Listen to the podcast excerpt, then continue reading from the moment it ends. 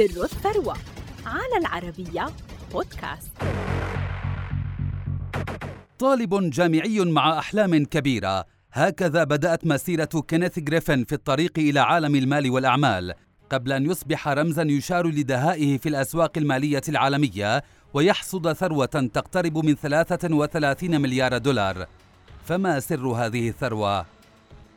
ولد كينيث سي جريفن عام 1968 بولاية فلوريدا وكان والده مدير مشروع لشركة جنرال إلكتريك ما منحه طفولة مرفهة نوعا ما لكنه بالمقابل كان طالبا متميزا.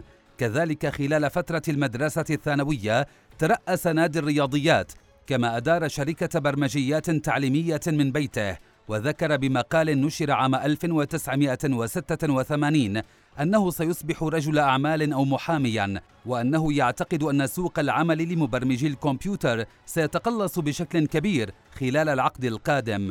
بدأ جريفن عمله أثناء دراسته بكلية هارفارد عام 1986 واستثمر أول مرة عبر شبكة التسوق المنزلية محققا خمسة آلاف دولار ثم استثمر في السندات القابلة للتحويل وكان يديرها من مسكنه الجامعي بعد أن أقنع مديري الكلية بالسماح له بتركيب طبق قمر صناعي على سطح مسكنه لتلقي أسعار الأسهم رغم حظر الطلاب من العمل التجاري كما استدان من جدته وبعض المعارف نحو مئة ألف دولار وفتح حساب وساطة له في بوسطن. في عام 1987 بدأ جريفن صندوقه الأول بمبلغ 265 ألف دولار وصار يجني الأرباح كما استفاد من انهيار سوق الأسهم في التاسع عشر من أكتوبر عام 1987 فنال سمعة سوقية طيبة جعلت فرانك سي ماير مؤسس شركة جلينوود كابيتال يستقطبه للعمل لديه حيث خصص له مليون دولار للتداول فما كان منه إلا أن حقق عائدا بنسبة 70% خلال عام. في الأول من نوفمبر عام 1990 أسس جريفن شركة سيتادل LLC برأس مال قدره أربعة ملايين ومئتا ألف دولار بمساهمات من ماير الذي كان له حصة كبيرة في الأسهم وبنى اسما كبيرا لتصبح شركته أحد أكبر صناديق التحوط في العالم. في أوائل العقد الأول من القرن الحادي والعشرين أسس جريفن شركة سيتادل سيكوريتيز التي أصبحت إحدى أكبر شركات صناعة السوق في وول ستريت وهي مسؤولة عن واحدة من كل خمس عمليات تداول للأسهم في الولايات المتحدة.